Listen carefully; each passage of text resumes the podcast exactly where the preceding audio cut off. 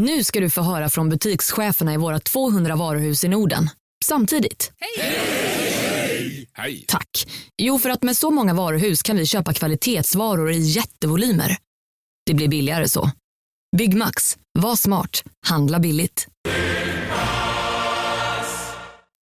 Ja, Hallå?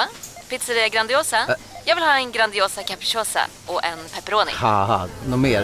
Med kaffefilter. Ja, Okej, ses samma. Grandiosa, hela Sveriges hempizza. Den med mycket på. Hej, Susanne Axel här. När du gör som jag och listar dig på en av Krys vårdcentraler får du en fast läkarkontakt som kan din sjukdomshistoria. Du får träffa erfarna specialister, tillgång till lättakuten och så kan du chatta med vårdpersonalen. Så gör ditt viktigaste val idag, lista dig hos Kry.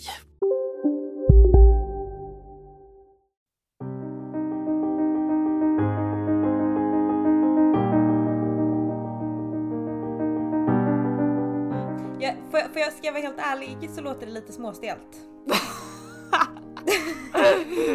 Rakt på sak. Mina intron är alltid stela. Eh, det är därför du alltid gör dem. Nej, men... Eh, Så jag kände att det var lika bra att vara rakt på sak. ja, det var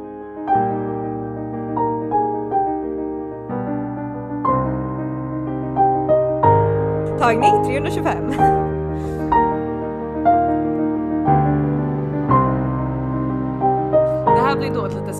Specialaravsnitt där vi lite går ifrån det vetenskapliga. Och eh, vi kommer idag prata om just de här, eh, vad ska man säga, valen i livet man gör vad gäller mycket, vad man väljer att gå för utbildning, vad man väljer att göra för karriär. Eh, det kan vara allt möjligt egentligen från vart du väljer att bo till hur du väljer att leva. Det var ju lite så här när vi skulle komma fram till vad vi ville prata om i podden. Eh, så var det ju lite de här ämnena vi var inne på också. Var så här, här vill vi prata om hälsa, vi vill prata om livsval. Eh, vad vill man göra med sitt liv? Vad vill vi göra med våra liv? Hur ska vi liksom hitta en bra nisch på det här i podden? Och sen landade vi ju i mer hälsoaspekten. Eh, så jag tycker det känns väldigt kul att få göra ett avsnitt av det här som ändå också var tankegångarna kring vad podden skulle handla om. Även om det blir en Mm. avstickare från det vanliga upplägget. Verkligen. Och jag tycker att det här ämnet är i alla fall för mig ett väldigt stort ämne för att jag håller kontinuerligt liksom på att tänka över vilken riktning vill jag gå i livet, vad vill jag göra nu, vad vill jag lägga mitt fokus på? Och jag tycker det är så svårt. För problemet är ju också det att ofta så vet man inte vad någonting är förrän man faktiskt gör det typ. Och jag tror att slumpen har ju mycket med allting att göra, vad man hamnar på liksom, vad man får för möjlighet och vad man i stunden blir intresserad av. Ehm, men utöver detta liksom grundläggande att på något sätt kunna hitta, navigera sig igenom vilka val i livet man ska göra så vill vi även få in lite just här att att våga göra saker, att bryta mönstret, att gå utanför den här sin comfort zone och liksom eh, i Sverige lever vi ju extremt mycket med den här jantelagen som säger lite att det här får vi göra, det här får vi inte göra. Typ att brukar finnas en sån liknelse att när man går in i ett rum med svenska typ så sitter alla med grå sockor exempelvis för att man kan inte ha ett par rosa sockor för då sticker man ut för mycket liksom. Um, och, och liksom att våga göra det och våga göra någonting för sig själv och um, också inse att om du vill göra någonting som kanske andra tycker är helt galet att inte alltid lyssna på the naysayer som uh, finns en, en talare, Arnold Schwarzenegger brukar prata om att liksom istället liksom de, de kan ju inte förstå vad dina drömmar och dina visioner är. Det kan ju bara du själv förstå och kanske göra det ändå. Så det är vad vi kommer att prata om idag helt enkelt. Då tänker jag att vi kör igång.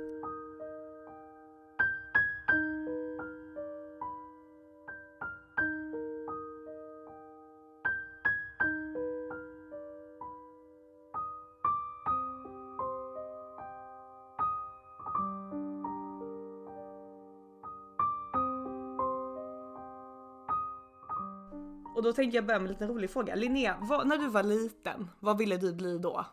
Oj, eh, alltså när jag var liten liten då ville jag ju typ bli frisör, delfinskötare, eh, sångerska. Eh, det var väl typ det som jag ville bli när jag var liten och sen någonstans Alltså sen har jag ju velat bli läkare sen högstadietiden. Ja. Och hur kommer det sig att du ville bli läkare? Eh, jag tror att det Eh, dels var så här, jag tyckte alltid att eh, naturvetenskapsämnena var väldigt spännande och intressanta och kul och jag hade ganska lätt för dem. Och då, kände, då var det liksom lite så här, ja men då kan man bli läkare. Och sen så tror jag att det också blandades in lite med att typ min pappa opererade hjärtat i ganska ung ålder. Eh, och jag tror att det också var en sån sak jag ville ha med mig. Att bara, Oj men gud det där är jättekult att man kan göra något åt det och var väldigt fascinerad av det. Så att, eh, ja, men alltid väldigt fascinerad av kroppen och hade liksom lätt för de ämnena så att det lätt, jag hamnade Mm. liksom på det spåret. Mm. Och när du då gjorde det här valet att du faktiskt skulle söka till läkarprogrammet, var det mer eh, du berättade jag tyckte det var intressant, men vad, om, man, om man tänker liksom logik och emotionellt val, skulle du säga att du gick mer på logiken typ i att ja, men det här är ett säkert yrke, det är ett fint yrke, det är respektabelt och jag tycker det är ganska intressant. Eller var det faktiskt ett inre emotionellt driv i dig som sa att det här vill jag bli typ? Alltså jag tror att det var ett omedvetet logiskt val. Mm. Alltså de tankarna som du nämner fanns inte riktigt där. Eh, men jag tror att de omedvetet utifrån liksom vad man vet att samhället typ tänker om det gjorde att jag drevs åt det hållet även om jag själv Mm. inte eh, riktigt formulerade de tankarna. Och, och, och sen har jag ju funderat mer längs vägen om det har varit rätt val eller inte. Liksom. För det bara blev nästan. Alltså jag har haft siktet Mm. inställt på det länge och sen har det bara flutit på typ.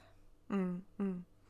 Nej för jag tycker just att den här, eh, jag har inget riktigt vettigt argument jag ska komma till men jag tycker just det här skillnaden mellan barn, ett barns drömmar och en vuxens drömmar ganska intressant, eller drömmar, en vuxens val är ganska intressant att se för jag tror generellt att barn har ju ett mindre konsekvenstänk och mer orädda kan man väl tänka. Och har, det här är faktiskt studier som gjorts på detta, nu kommer jag in på det lite vetenskapliga ändå, men det är när barn exempelvis får ett, eh, en uppgift kan vi säga. De får ett mattetal som för deras ålder är lite för svårt helt enkelt. Och deras syn på det hela är egentligen att Gud vad kul! Jag kan lära mig jättemycket, jag kan bli bättre. De blir motiverade av det. Medan man ser att ger man samma grej till vuxna, alltså de får panik, de får ångest, de känner sig misslyckade och de, de gör vad som helst för att liksom, för att eh, klara den här uppgiften, alltså de fuskar hellre liksom för att de är så rädda för vad utfallet ska bli.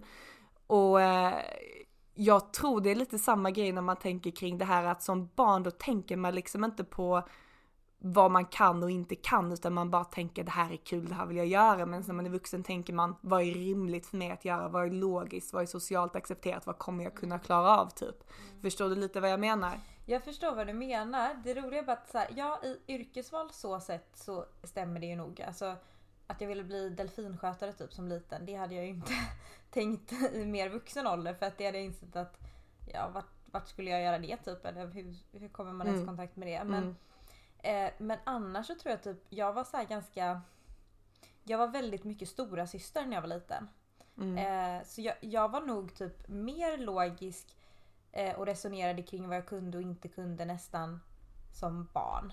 Jaha, eh, där var jag nog på tvärtom. många- jag var odö- odödlig som barn typ. Ja, nej nej, jag var absolut inte odödlig. Alltså jag hade, jag var så orolig som barn. Det är helt, Mhm. eh, alltså när jag typ får för mig idéer idag om saker jag ska göra så kan mina föräldrar bara Linnea vad hände typ med dig? Du, du skulle aldrig våga göra det där som barn. Mm. Så jag tror att absolut så här, drömmässigt så är jag väl mer realistisk nu. Mm. Eh, men jag tror att jag har ändå mer vågar typ. Och Mm. vågar möta mer risker nu än vad jag gjorde som barn egentligen. Mm. På ett sätt. Jag är väldigt mycket tvärtom tycker jag. Jag tycker jag får mer Ja. konsekvenstänk och inse, eller nu jobbar jag lite aktivt mot det för att jag vill Mm. typ krossa de grejerna men jag tycker Mm. att som äldre blir jag mer och mer konsekvenstänk och inser mer och mer vad som kan hända om jag, alltså nu tänker jag liksom inte inom läkaryrket så att liksom oj vad händer om jag inte kan eller fråga när jag inte vet men mer liksom folk kan döma mig, folk, man kan liksom bli utesluten ur gruppen om man beter sig på ett visst sätt och du förstår vad jag Mm. Vad ville du själv bli som liten? Eh, artist har jag alltid varit. Enda drömmen för mig som barn typ. Eh, Ja. Sen vill jag bli eh, advokat. Ja. Eh, och sen så vill jag bli läkare. Det var så Mm. det blev. Men just när det gäller det här med att eh, Tycker jag i alla fall när man ser om man har en dröm som man liksom tänker att shit det här hade jag velat göra. Men som ta exempelvis artist. Eh, för mig var det ju så här, då vill jag bli artist och jag vill egentligen gå musikskola liksom istället. Mm. Och då så sa ju min, hela min familj är liksom universitetsmänniskor, hela, eh, hela, hela familjen liksom. Och de var ju såhär, Mm. okej men Isabelle tänk så eh, klarar du inte, eller så här, tänk så, eh, ja du kanske går musikutbildning men sen kanske du inte blir artist och då kanske du slutar typ som musiklärare typ. Och, eller så här, Mm. har eh, problem med ekonomin, åker runt och giggar hela tiden. Eh, eller de, de, de sa ju bara musiklärare då. Eh, vill göra det och tänkte jag Mm. shit nej det vill jag absolut inte göra tänkte jag. Sitta som Nej. musiklärare, nej nej nej. Jag, om jag ska gå det så ska jag bli artist och då blev det så här, ja men Mm. då tar jag läkaryrket som då var ändå liksom nummer två kan man säga på listan då.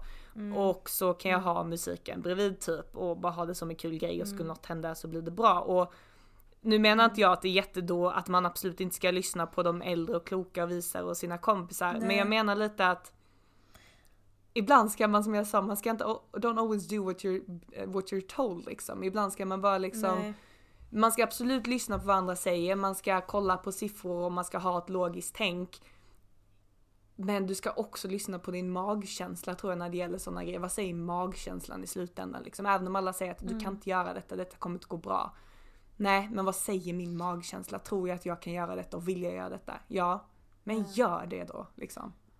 Men, men jag tänker lite så här också att det finns ju ändå de som trots att för Alltså det är ju ofta det är ju det, de sakerna du säger nu det är ju sånt som samhället säger också. Mm. Eh, att, att det är jättesvårt att lyckas som artist, det är jättesvårt att bli konstnär. Eh, du kommer aldrig kunna försörja dig på det och så. Eh, och där tänker jag att det finns ju ändå de som ger vika för, för de där sakerna och går efter magkänslan. Eh, och, och jag tänker lite att de som lyckas med det kanske är de som redan från början har haft drivet att våga gå emot och följa magkänslan. Precis. Och jag tror verkligen det. Alltså jag tror att, eh, jag tror att det som liksom skiljer ut de människorna, det som säger de följer sin magkänsla och de gör någonting för att de verkligen älskar det liksom och Ja. att lägga tid och energi på att uppnå det, visst det kan ju vara jobbigt i stunden men det är klart jobbar du hårt för någonting så är det alltid en punkt och det är väldigt jobbigt. Men de är, Mm. man kan säga att de vet vilket slutresultat de går mot och de är beredda att göra de uppoffringarna för att nå det slutresultatet. Om du förstår vad jag menar. Mm. Och jag Mm, tror jag det är en av nyckelfrågorna att ställa sig när man väljer någonting man vill nå. Att vad du än vill nå för mål så är det tufft någonstans på vägen. Och då får man Mm, fråga sig själv, vilka uppoffringar är du beredd att göra för att nå dit? Skulle du, alltså till exempel skulle du vilja bli läkare och det är din största dröm, är du beredd på att uppoffra att plugga extremt mycket? Är du beredd på att dedikera mycket av din tid för att göra detta? Är du beredd på att liksom ha situationer då du inte kommer kunna rädda patienter och liksom kunna leva med det? Inte på ditt samvete för att det är klart det kan alltid gå dåligt men eh, Men är du beredd för de uppoffringarna liksom? Men, men det jag tycker också är lite i den här diskussionen det är att det är ju sällan man vet vad det krävs för uppoffringar innan man Nej. är i det. Nej. Alltså om, om jag tänker tillbaka, jag har precis börjat, jag vet inte om jag sa det till dig, men jag är en mentor för läkarstudenter termin 1. Mm. Eh, och, och jag så här, jag börjar inse sen när jag börjar reflektera över typ, om vad ska man prata med dem om, så här, vad kan man möta och sånt. Hur lite jag visste om vad jag kunde möta när jag började plugga. Ehm, och, och jag tänker att det är lite generellt sett så här, visst man kan ställa in sig på vilka uppoffringar jag är beredd att göra liksom tidsmässigt, relationsmässigt och så. Men vilka motgångar, vilka svårigheter kan jag tänka mig att hantera? Det tror jag är svårt att veta förrän man är i det liksom. Nej, så är det ju så, så är det absolut att allting har ju sin egna att man vet ju aldrig riktigt vad någonting är förrän man gör det. Men man vet ju om Nej. hur mycket tid det kommer ta i alla fall. Hur mycket, alltså jag är Absolut. beredd på att plugga i fem och ett halvt år för att Mm. uppnå det här exempelvis. Men det är liksom en av grejerna jag brukar tänka för liksom. Eh, för jag tror att om du har ett mål och du är så dedikerad och vill uppnå ett mål då tar du dig igenom det liksom.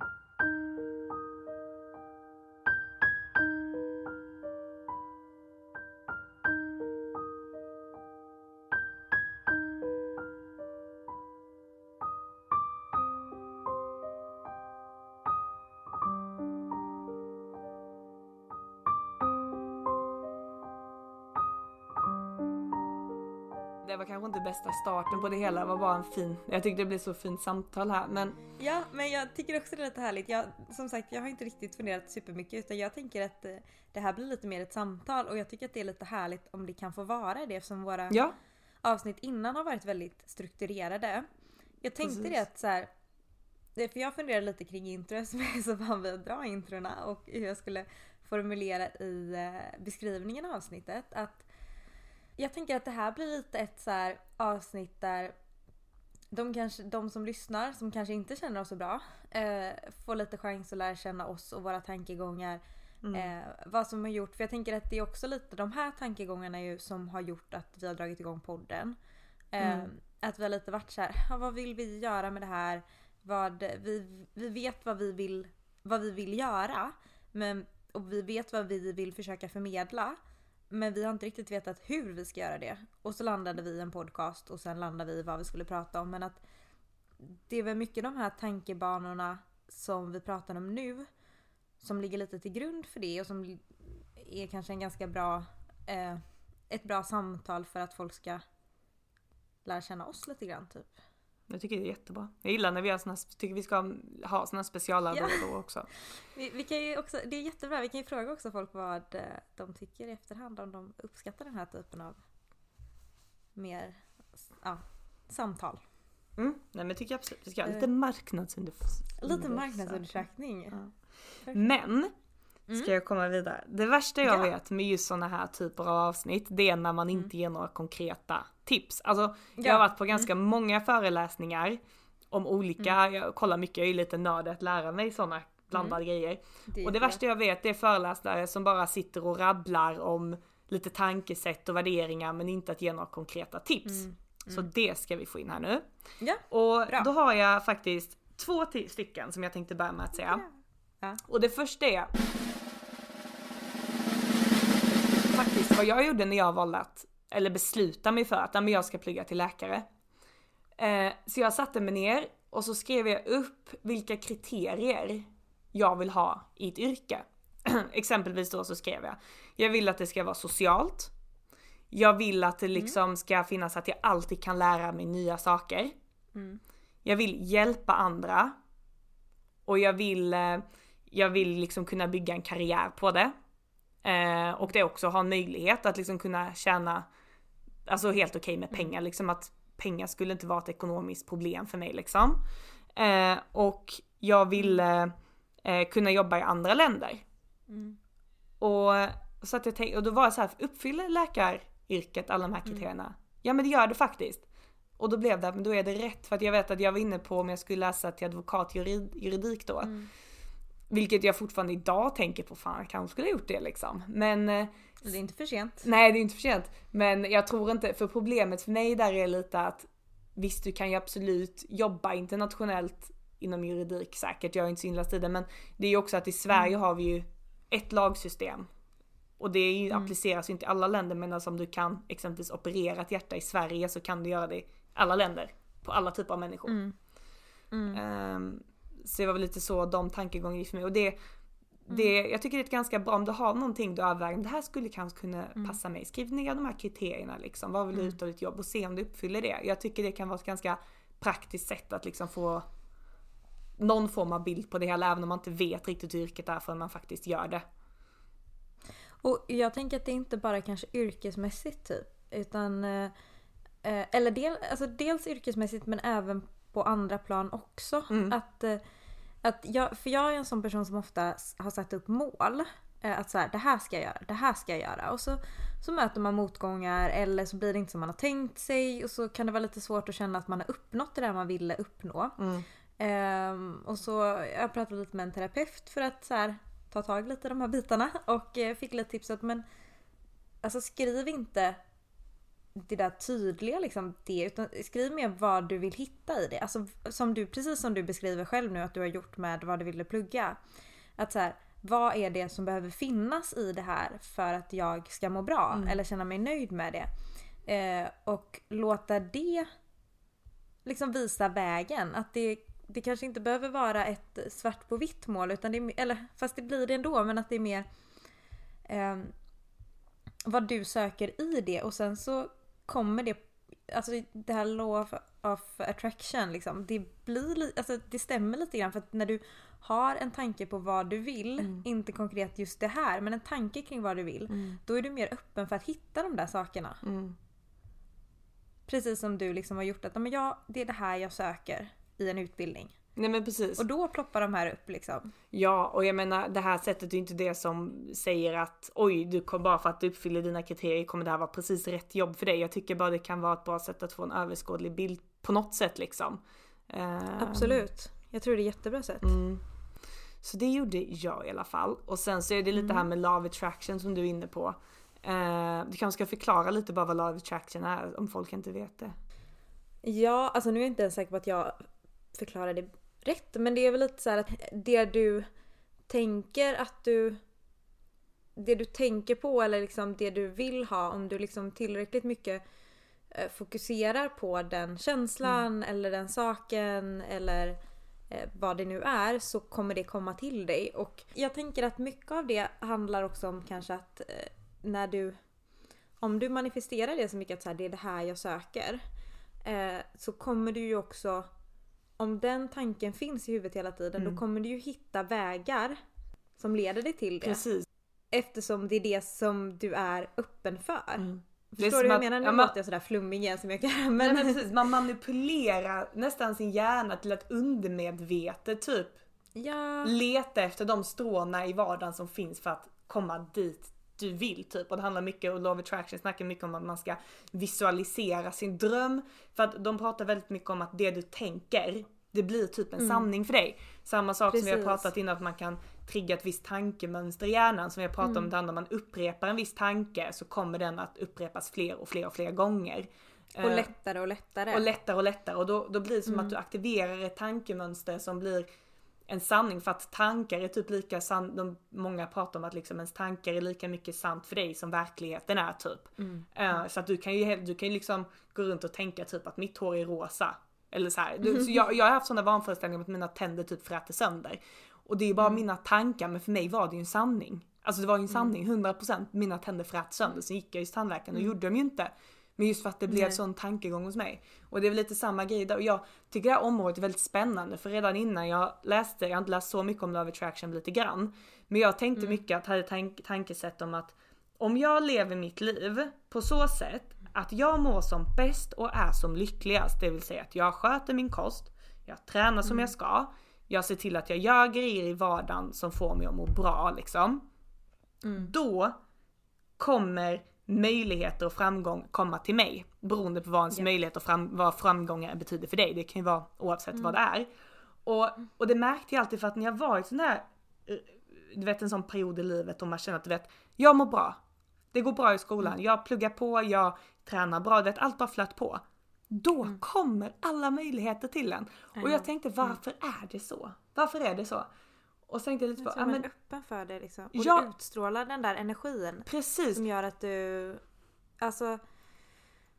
Det, jag, jag tänker liksom så här, stå, alltså till exempel om vi säger att du, om du söker ett jobb, Mm. är på en arbetsintervju, när du är i ett sånt flow, att Mm. allting gått bra. Det är klart att du utstrålar mer självförtroende, Precis. att du verkar mer självsäker, att du verkar mer positiv. Och då tänker jag att det är större chans att du får det där jobbet också för att du utstrålar det som man kanske ofta söker i någon Precis. ny medarbetare. Ehm, Det var precis Och- så och- jag tänkte. och i tentaplugget vet du att du kan det där, att det går bra. Mm. Ja, men då kommer du vara ännu mer motiverad att plugga och ha lättare att lära dig för att du är mer koncentrerad och istället för att sitta och älta andra saker som kanske är lättare att göra när man inte har ett sånt flow liksom i livet. Nej men precis, jag tror det handlar om att när du är i ett sånt flow och du sköter, liksom tar hand om dina grejer, då, då är du mer, har du mer energi, du mår bättre, du gör arbetet eller jobbet, vad du nu gör, bättre. Du är mer social, du är mer trevlig, du är mer på hugget. Och det, och det som du säger att det blir folk inspirerade av eller ditt arbete blir bättre för att du gör ett bättre jobb för att du mår bra. Och du inspirerar ju dig själv lite grann också till att göra Precis, allt och annat det, det är precis det jag tycker om att även om det är exakt så de beskriver Love Attraction så är det, känns det som att det är lite grunden eller indirekt det som händer under Love Attraction. Att du, Ja, du jag- liksom lockar till dig möjligheter och då speciellt Upptäck hyllade XPeng G9 och P7 hos Bilia. Våra produktspecialister hjälper dig att hitta rätt modell för just dig. Boka din provkörning på bilia.se xpeng redan idag. Välkommen till Bilia, din specialist på X-peng. Om en sous på väg till dig för att du hörde en kollega prata om det och du råkade ljuga om att du också hade en och att den var så himla bra att maten blev så otroligt god och innan du visste ordet av hade du bjudit hem kollegan på middag nästa helg för att du sålt in din lågtempererade stek så bra att du var tvungen att beställa en på nätet fort som attan. Och ja! Då finns det i alla fall flera smarta sätt att beställa hem din sous vide på. Som till våra paketboxar, placerade på en plats nära dig och tillgängliga dygnet runt. Hälsningar Postnord. Välkommen till Unionen. Hej! Eh, jo, jag ska ha lönesamtal och undrar om potten. Ja, om jag kan räkna med övertidsersättning för det är så stressigt på kontoret jag jobbar hemma på kvällarna så kan jag då be om större skärm från chefen för annars kanske jag säger upp mig själv. Och hur lång uppsägningstid har jag då? Okej, eh, vi börjar med lön. Jobbigt på jobbet. Som medlem i Unionen kan du alltid prata med våra rådgivare. Specifikt under Love Attraction, de specifika möjligheterna du faktiskt vill ha. Ja och jag, Ehm. och jag tänker att law attraction kanske är lite mer grunden till att du ska komma in i det där flowet. Att du ska liksom manifestera och tänka det. Mm. på det du verkligen vill. Och när du bör- börjar fokusera på det då kommer det komma igång för att du kommer ta Mm. till dig det mer. Och sen Mm. kommer du in i den här goda spiralen liksom. Mm. Precis. Men då har vi Mm. den svåraste biten, vad är det man egentligen vill då?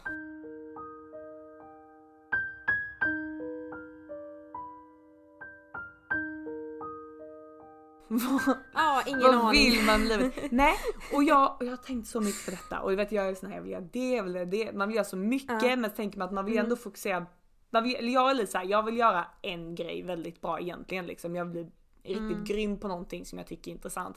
Men jag tycker väldigt mycket grejer som är intressanta så jag har så svårt att välja ett, en grej liksom. Mm. Men så var det så bra för att och då har jag läst mycket böcker och eh, hört vad många säger om detta. Om, eh, vä- väldigt återkommande tema på folk som har läst på om detta är just det här att man ska visualisera sig sin egna begravning typ. Mm. Och så ska man tänka, vad vill man att folk ska säga eller berätta om det, vad du har gjort eller åstadkommit eller vad vill du känna att du har gjort liksom. När du dör. Och det ska vara ett väldigt sätt att liksom ett sätt att våga tänka fritt och öppet liksom för att när du är på din begravning då har du ingenting att förlora. Det är väl man vågar, man vågar vidga sina vyer lite och Mm. vara ärlig mot sig själv. Men jag tycker, jag har tänkt på det, jag tycker inte riktigt det funkar. Jag tycker det känns så, för mig känns döden så långt ifrån så att det blir liksom ingen riktig verklig bild för mig. Kanske funkar för andra, men inte för Mm. mig. Fanns någon som ställde sig framför ett stup och verkligen visualiserade sig själv hoppa. Mm. Och då kom de här tankarna fram, men jag vet inte riktigt om jag skulle rekommendera. Men så var det en annan föreläsare jag lyssnade på, eller det var en podd jag lyssnade på. Och då sa han, tänk dig själv fem år fram i livet. Mm. Och vad är du då? Vad ser du dig själv? Beskriv hur ser det ut, ut runt om dig? Vad gör du? Hur Mm. mår du? Liksom verkligen Mm. tänk den här bilden. Och då fungerade det mycket bättre för att fem år var liksom, alltså jag kunde Rimlig liksom nästan greppa, rimlig tid, jag Mm. kunde liksom lite greppa lite, känna mig själv, jag kunde känna mig själv för, men du förstår vad jag menar. Mm. Det blev lite, ty, lite mer konkret. Och så Mm. sa han då att det du gör då det är att du tar han beskrev att han såg sig själv i en stadsmiljö typ liksom med mycket människor, var full fart och så vidare. Och så, vidare. Mm. och så var det väl, jag kommer inte ihåg vad han gjorde, han hade drömmar om att han skulle skriva en bok eller någonting.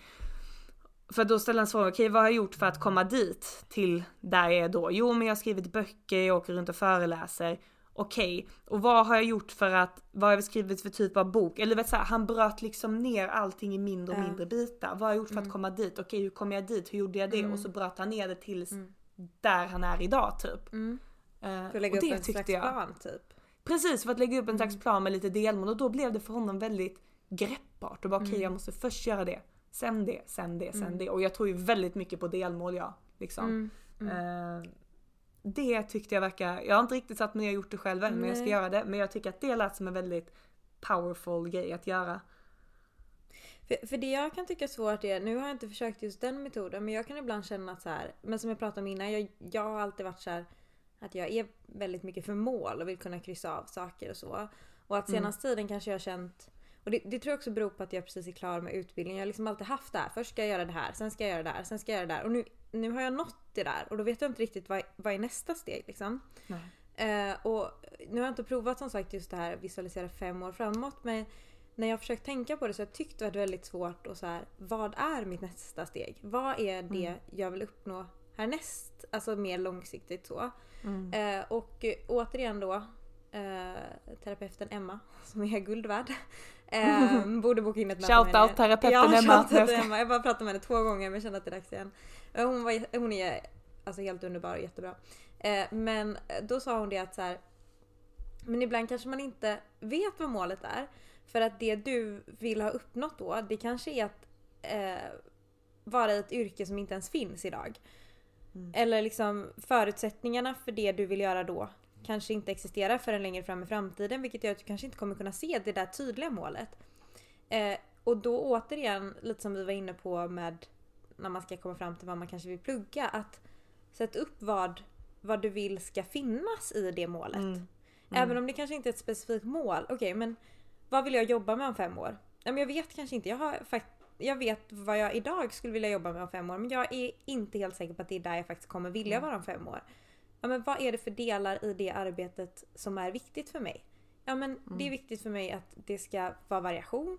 Det är viktigt för mig att jag ska trivas med mina kollegor. Det är viktigt för mig att jag ska känna mig trygg men samtidigt lite pusha mina gränser hela tiden.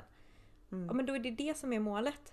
Och, och sen längs gången så kommer det nog formas till vad det är jag faktiskt vill jobba med eller faktiskt göra.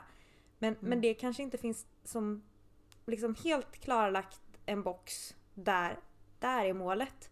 Men, men liksom formerna för det finns och sen får det byggas ihop lite längs vägen. Men eh, det, det kan jag absolut hålla med om och jag tycker lite problemet med många grejer i livet är att jag tror att en grej är vad vill jag typ? Om vi, om vi säger att du har ett väldigt konkret mål. Eller om du inte har ett konkret mål och du bara sätter upp de här ramarna som du pratar om, liksom Mm. lite andra kriterier. Och hur mycket har slumpen egentligen med det att göra? Förstår du vad jag menar? Alltså många, Ja. jag vet jag har pratat till exempel, det har du också gjort, när vi läser till läkare så läser man först sin läkarutbildning och sen gör man sin allmäntjänstgöring som är typ betald praktik kan man väl säga. Eller man jobbar fast på vissa speciella ställen. Och sen gör man Mm. sin specialistutbildning där man väljer att specialisera sig till Om man vill det. Om man vill det. Inom Ja. psykiatri eller man vill bli kirurg eller liknande. Och då när man pratar med dem så ja men hur kom du fram till vad du ville göra? Ja det var slumpen. Jag hamnade på ett ställe med, och jag bara trivdes där jättebra och han är jättebra inspirerande handledare. Och det tycker jag också är problem att eh, eller jag tänker mycket på det att om man snörar in sig för mycket bara på ett mål att du får aldrig stänga dig, stänga dig själv för de andra möjligheterna eller slumpen som kan komma däremellan utan jag tror mycket att Exakt. Du kanske har, det beror på vad du väljer själv, vad du trivs med. Antingen att du sätter upp de här kriterierna eller ramarna som du Mm. sa eller att du är mer en sån människa som gillar att fokusera Mm. på ett mål. Men att du däremellan också måste vara öppen för möjligheter och för att du alltså förändras som människa Mm. och att du inte säger du säger aldrig nej till möjligheter som du faktiskt känner att du vill även om det kanske inte alls alltid står i relation till ditt mål men du är ändå intresserad av det på något sätt. Ehm, för att vem vet, den här, det här målet du kanske hade från början eller kriterierna hade det kanske liksom utvecklar sig i en helt annan väg i slutet och det Mm. tycker jag ska Mm. göra. Så länge du känner att det här är rätt. Mm. Så... Och jag tror att det, för mig personligen så är det lättare att inte sätta ett helt definitivt mål där. Eh, utan att då är det lättare att ha de här Mm. formerna för vad jag vill nå. För att Mm. Annars vet jag att jag väldigt lätt stänger mig för de andra möjligheterna som uppstår längs Mm. vägen. Men det där tror jag är ganska individuellt hur man själv fungerar och att man nog får lära känna sig själv för att veta vilken strategi är min strategi för att få det och att jag ska liksom kunna nå det som jag helst vill nå. Eh, och må så bra som möjligt. Det tror jag också väldigt mycket. Fy vad Ja. mysigt det var att ha sådana här samtal. Gud jag älskar sådana, jag tycker sånt här är jättespännande.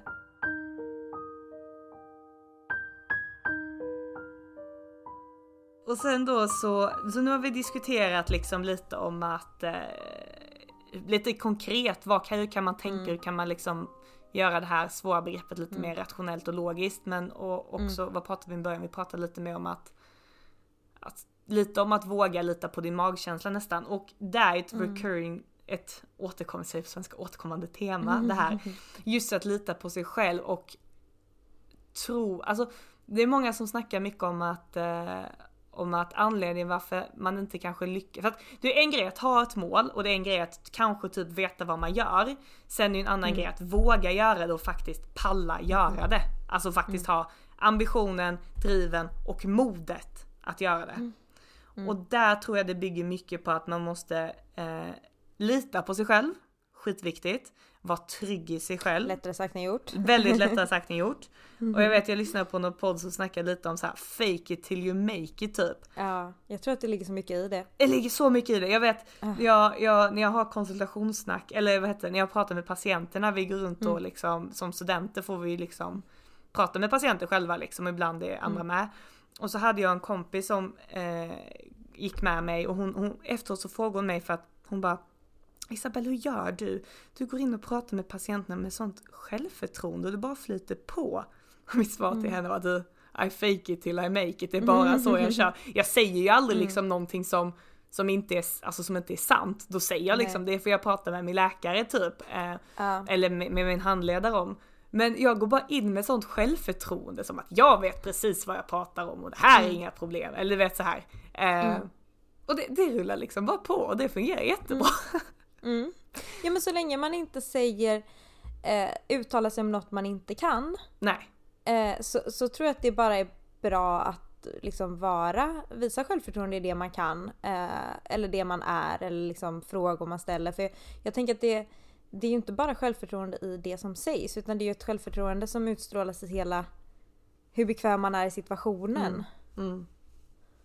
Verkligen.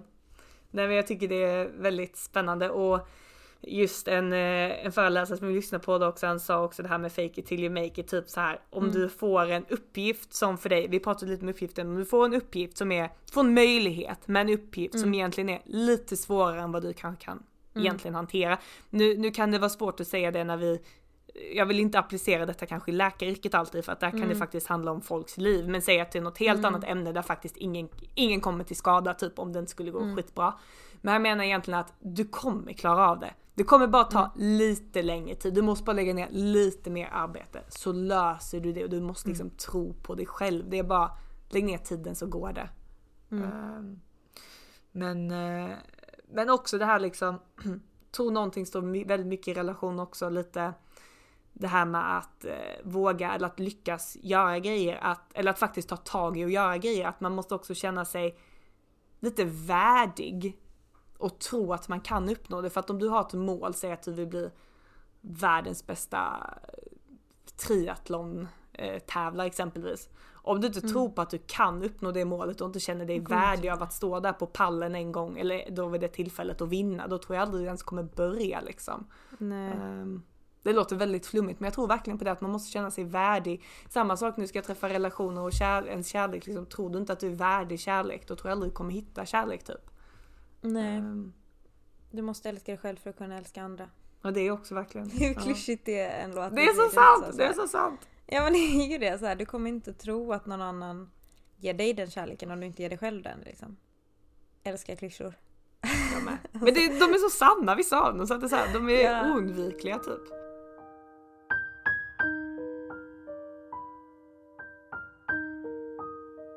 Jag tänkte också slå ett slag för det här med att eh, komma utanför sin comfort zone.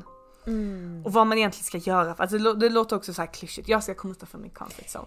Men Ja, alltså, men alltså det, det, är, klyschigt men det är ju så sant. det är så sant och det är så Eller? viktigt att göra det tror jag. För att liksom, Mm. eller det beror Ja, också på vilken människa du är. Men jag, jag tycker det är jätteviktigt att våga, våga komma utanför comfort zone. Att våga vara annorlunda, vara okej med att jag tror också desto mer annorlunda och desto mer utanför comfort zonen du kommer, desto mer människor kommer det vara som typ ger dig den sneda blicken typ. Eller är det bara jag som får den känslan? Nej men alltså jag tycker typ snarare tvärtom nästan. Alltså jag Tycker tycker, du? att när jag, ja, jag tycker att när jag lämnar min comfort zone då Eh, det beror väl i och för sig kanske lite på hur långt från sin comfort zone man går. Men när man Mm. går lite utanför, då tycker jag att man får lite energi för, från att man vågar gå utanför den. Mm. Och då utstrålar man den energin vilket gör att man inte får några sneda blickar.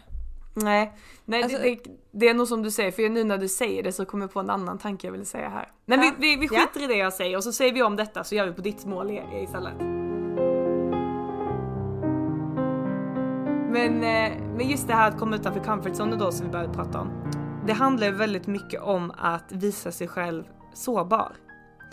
Och eh, sårbarhet tror jag är grunden i så mycket i livet. Allt från att känna alltså, känslomässig kontakt, alltså relationer, till att eh, liksom vara lycklig till att vara ledsen. Alltså jag tror mycket i livet grundas i att våga, att våga sig själv, visa sig själv sårbar. Eh, och vad är då egentligen att visa sig själv sårbar? Jo, det är egentligen när du gör någonting eh, där du inte riktigt vet vad resultatet kommer bli. Alltså ta exempelvis som en tenta. Inte för att man kanske visar sig jättesårbar, men det är också så här.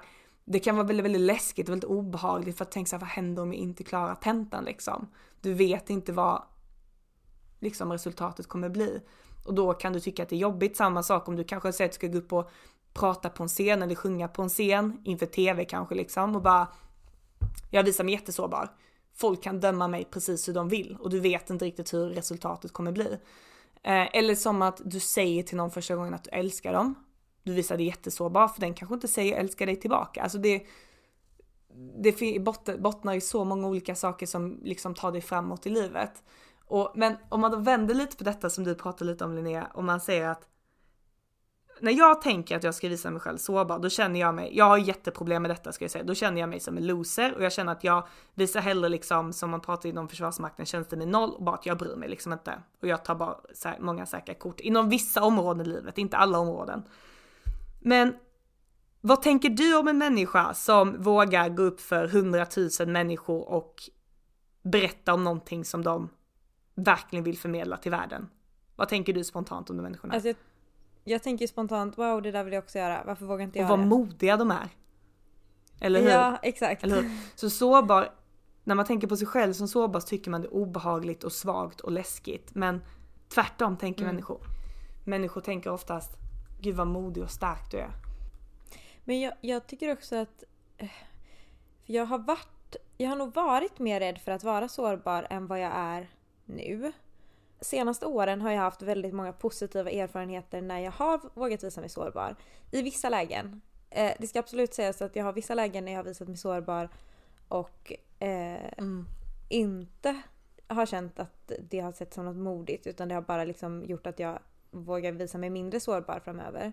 Men i många lägen tycker jag att när jag har visat mig sårbar eller öppnat upp för min sårbarhet eh, då har jag också fått se mycket av den sårbarheten hos andra. Mm. Eh, vilket har stärkt mig. Att så känna att det som jag har känt som en sårbarhet har nog inte varit en sårbarhet utan bara en helt naturlig tanke eller reaktion eller liksom något man har gått igenom. Så här, att det, mm. det, det är snarare så att man är så rädd för det som man själv anser som en sårbarhet. Eller så här, eh, att något man anser är eh, det här är nog mm. avvikande mm. från alla andra.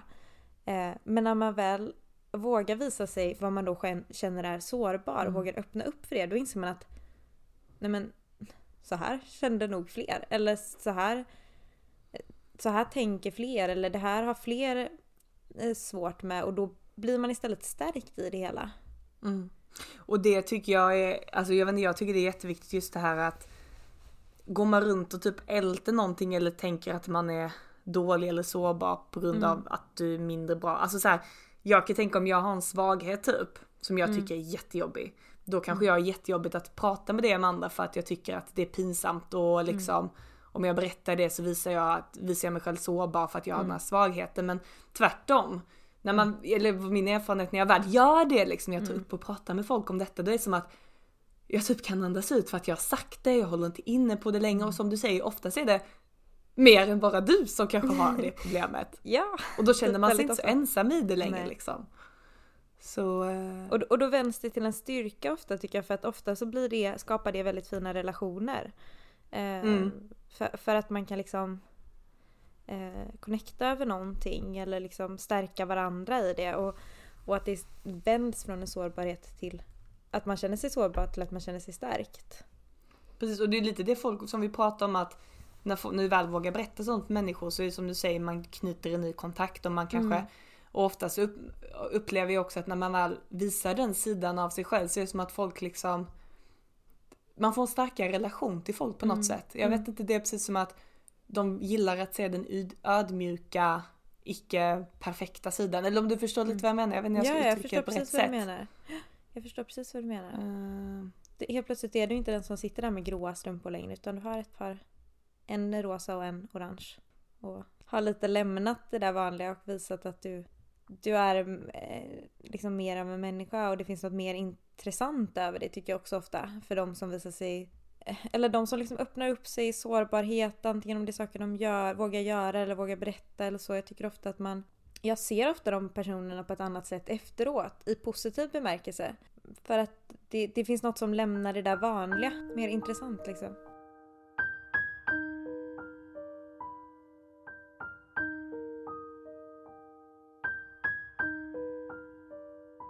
Just det här med sårbarhet så vill jag också berätta då om att det finns faktiskt en föreläsare som heter Brene Brown, eller Dr. Brene Brown. Hon forskar just på sårbarhet och tror det är ångest också, jag är inte riktigt säker. Men i alla fall sårbarhet och hon är så bra föreläsare. Eh, så om ni vill se mer om detta eller bara ha en riktigt grym föreläsning så finns det TED Talks på YouTube men det finns även eh, tror det finns, eller har funnits i alla fall, tror det finns fortfarande typ en föreläsning från henne på Netflix. Och eh, det finns, hon har även skrivit en bok och alltså verkligen så bra.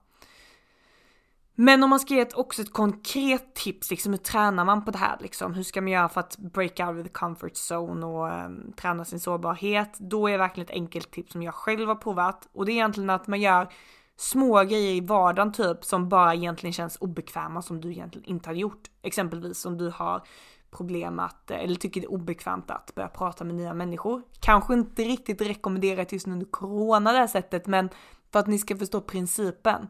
Typ att man då kanske bara gå fram till någon på stan och bara Hej vilken snygg tröja du har. Även om det är bara gå fram och våga göra det, liksom ta initiativet. Och då inser man lite vad är det värsta som kan hända. Att någon kollar lite snett på en och bara vad gör du? Eller att någon svarar åh tack så jättemycket för den komplimangen. Eh, så det är verkligen ett stort tips. Och en grej då som jag började göra innan jag gjorde detta var egentligen att jag läste några böcker som jag verkligen rekommenderar starkt också. Och det är eh, en bok som heter eh, The Subtle Art of Not Giving a Fuck med Mark Manson. Och jag vet att det låter lite roligt men att den är så bra. Och den andra boken som är lite kortare och kanske lite mer bullet points liksom är Unfuck Yourself med Gary John Bishop. Superbra bok verkligen, så det rekommenderar jag. Så om ni har, om man vill komma utanför comfort zonen så som jag gjorde och som jag kan rekommendera att kanske börja läsa de här böckerna, börja göra de här små grejerna som gör att du gör grejer som annars är obekvämt för att liksom vänja dig vid det och bara inse att det var inte så farligt. Sen kan man gå vidare med de stora eller viktiga grejerna om man säger så.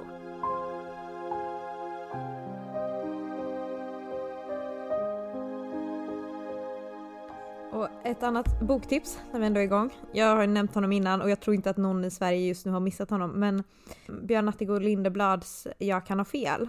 Vi pratade lite om det här med att man, ah, det är så lätt att tro på allt man tänker. Eh, där han pratar om det att så här, man ska inte tro på allt man tänker. Och den kan jag starkt rekommendera. Just det här liksom så här, det, det är ganska mycket självbiografi eh, med väldigt många kloka ord och varm rekommendation.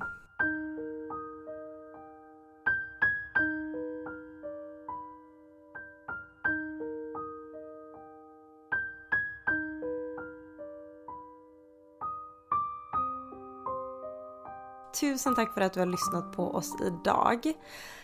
Om du har tankar eller synpunkter kring det vi har sagt idag eller tips eh, på något som du vill att vi ska prata om eh, framöver eh, så är vi öppna för all typ av feedback, kritik eller vad du vill kalla det och du når oss lättast på vår mailadress. Den är mabrapodcast@gmail.com alltså må bra podcast men utan den lilla pricken över o-et. Eh, vi hoppas verkligen att du eh, är med oss även nästa avsnitt. Och eh, fram tills dess så ta hand om dig, eh, må bra och glöm inte av att andas. Puss och kram!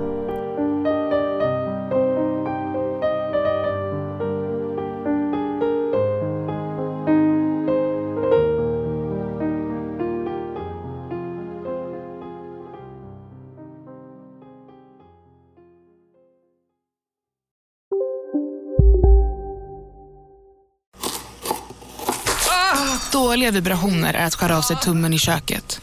Ja! Bra vibrationer är ett och en tumme till och kan scrolla vidare. Få bra vibrationer med Vimla. Mobiloperatören med Sveriges nöjdaste kunder enligt SKI. Kolla menyn. Vadå? Kan det stämma? 12 köttbullar med mos för 32 spänn. Otroligt! Då får det bli efterrätt också. Lätt! Onsdagar är happy days på IKEA. Fram till 31 maj äter du som är eller blir IKEA Family-medlem alla varmrätter till halva priset. Vi ses i restaurangen på IKEA. Dagens vinnarprognos från Postkodlotteriet. Postnummer 65209, klart till halvklart och chans till vinst. 41101, avtagande dimma med vinstmöjlighet i sikte. Övriga 10 500 postnummer, soligt och möjlighet att vinna. Oavsett när sommaren kommer till dig så kan du och dina grannar få dela på 48 miljoner i sommaryran. Ta chansen nu i maj på Postkodlotteriet.se. Åldersgräns 18 år. Kontakta stödlinjen om du eller någon anhörig spelar för mycket.